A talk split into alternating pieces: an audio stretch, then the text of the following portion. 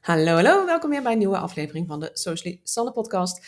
En we gaan even lekker verder duiken op het onderwerp van de vorige aflevering. Want toen hadden we het over het belang van bordsegmenten, bordsecties, net uh, hè, wat, uh, uh, hoe je ze wil noemen. en eigenlijk dus hoe ze dus geen belang hebben voor jouw account op SEO-gebied, Search Engine Optimization. Oftewel, even heel makkelijk uitgelegd, het gebruik van bordsecties dus je hebt zeg maar één groot bord en dat kun je opsplitsen in, in, ja, in, in, in kleinere onderwerpjes. Dat is niet interessant voor zakelijk gebruik. Dus als je daar wat meer over wil weten, uh, luister even de vorige aflevering terug, nummer 120. Daar uh, leg ik je alles over uit. Uh, maar ik zei toen ook al aan het einde van de vorige aflevering dat we het nu gaan hebben over een vraag. En die krijg ik heel vaak. Hoeveel Pinterest-borden moet je hebben? Hoeveel moet je er maken? Nou, het snelle antwoord, en dat ga ik natuurlijk dadelijk even helemaal uitleggen, maar het snelle antwoord is, en het is echt zo'n lekker dooddoenig antwoord, want het is heel vaak zo in online marketing, denk je, ja, dat zegt nu eigenlijk nog steeds niet heel erg veel. Dus ik ga er wat dieper op in. Maar het snelle antwoord is, de hoeveelheid borden die jij nodig hebt op Pinterest, is afhankelijk van de achterliggende content die je hebt. Nou, ja? Goed, in de vorige aflevering, ik benoemde al dat jij um, uh, bijvoorbeeld borden maakt op basis van de contentcategorieën die je hebt. En ik noemde daarin een, een voorbeeld als, uh, stel je bent gezondheidscoach, die als een van de categorieën bijvoorbeeld de categorie beweging heeft. Nou, voor die categorieën kun je verschillende subcategorieën uh, bedenken.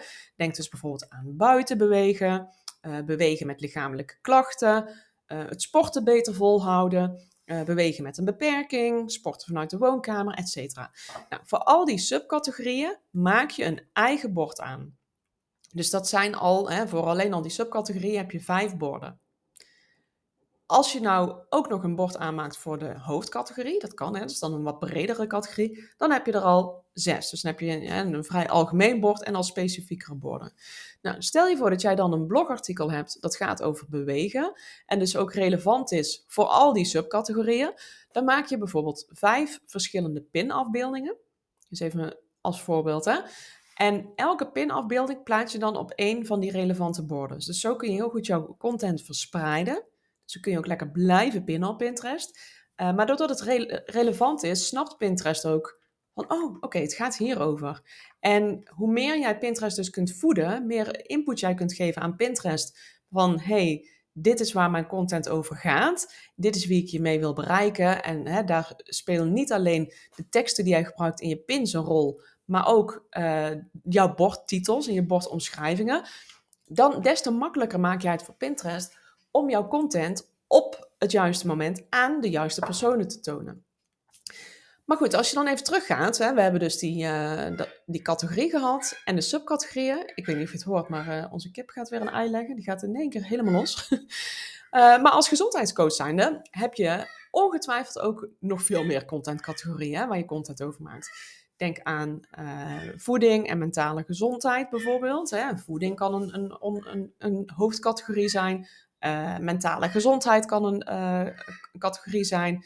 Uh, lichamelijke gezondheid kan ook een hoofdcategorie zijn. Nou, die hoofdcategorie kun je ook weer opdelen in subcategorieën. En voor elk van die subcategorieën zou je een apart bord kunnen maken. Let er dus wel op dat je uiteindelijk ook wel voldoende content hierover te delen hebt. En dat je dus niet met van die half lege woorden blijft zitten. Dus let erop bij het maken van die nieuwe borden dat je dit ook in fases doet. Want als jij in één keer zegt van oké, ik ga echt in één keer op uh, 40 borden aanmaken ja, dan is er best wel een kans dat Pinterest jouw account als spam ziet. Dat ze een soort van spamfiltertje eroverheen uh, pleuren. En dat wil je niet. En die is best wel gevoelig op Pinterest. Dus je moet soms wel een beetje voorzichtig zijn. Dat je niet in één keer hele gekke dingen gaat doen. Dus niet in één keer 100 pins op een dag gaan plaatsen bijvoorbeeld. Maar ook niet in één keer te veel borden maken. Doe dat echt gefaseerd. Dus ik kijk bijvoorbeeld eerst van, nou, welk... Uh, uh, wat, wat, ik, wat ik meestal doe zelf daar heb ik natuurlijk al behoorlijk wat borden. Maar stel dat jij een nieuw account start, dan zou ik jou adviseren van, hey, kijk eerst eens even naar um, waar, welk stuk content ga je gebruiken om naar te verwijzen. Stel je voor, je hebt een blog over een bepaald onderwerp. Kijk dan eens welke uh, subcategorieën daarbij passen hè, bij dat uh, uh, onderwerp. En maak daar eerst borden voor. En op het moment dat jij naar een ander onderwerp gaat, hè, wat weer binnen een andere categorie valt, ga dan eens kijken welke subcategorieën daarbij passen en dat je daar dus borden voor uh, maakt. Dus zorg ervoor dat je niet te veel uh, doet.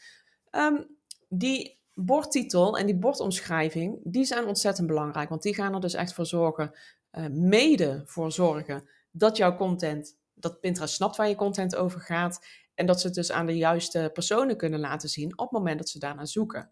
Dus je moet die bordtitels en die bordomschrijvingen, die moet je echt niet onderschatten.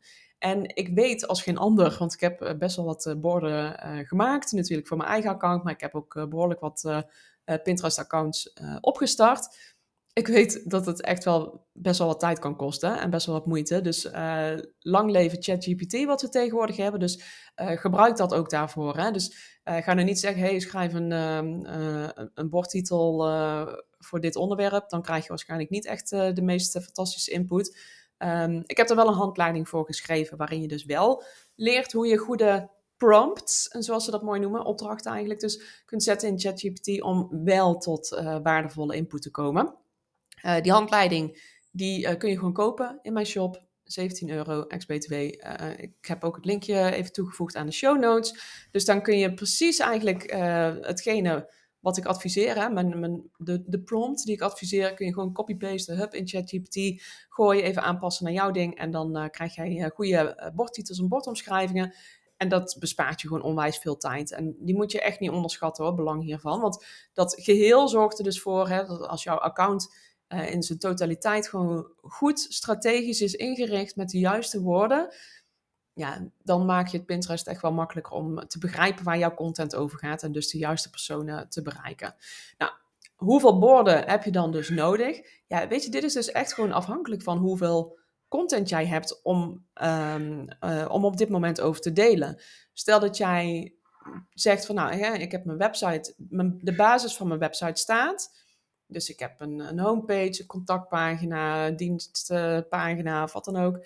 Uh, en ik ga nu bloggen, bijvoorbeeld. Hè, dan heb je op dit moment nog niet zo heel veel content op je site staan om naar te verwijzen. Dus begin dan ook wat kleiner, zou ik adviseren. Dus ga dan niet zeggen, nou ik maak in één keer op uh, 10, 20 borden aan uh, die allemaal leeg blijven, maar die gaan langzaam aangevuld worden. Nee, dan zou ik zeggen, hey, begin dan iets lager. Zet even eerst iets lager uh, in qua aantal borden.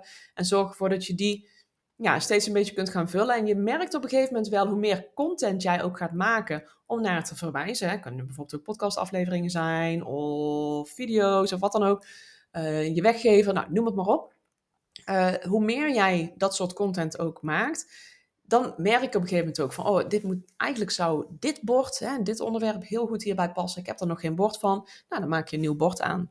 Dus zo kun je dat gaan laten groeien langzaam. Um, even samengevat dus, het aantal borden is dus met name afhankelijk van de hoeveelheid contentcategorieën, die subcategorieën, maar ook vooral de hoeveelheid content die je hebt om vervolgens te gaan verspreiden op die borden. Uh, als je al bijvoorbeeld een aantal blogs hebt staan, begin dan bijvoorbeeld met een stuk of tien borden. Plaats daar relevante content op en zo kun je dus je borden mee laten groeien met de tijd. Uh, ik hoop dat dit uh, helemaal helder was. Uh, maak eventueel gebruik van de ChatGPT Pinterest handleiding als je dat uh, wil gebruiken. En dan hoop ik dat jij vooral lekker ook echt aan de slag gaat met Pinterest. Dus ehm, ik zou zeggen heel veel succes en tot de volgende. Dag!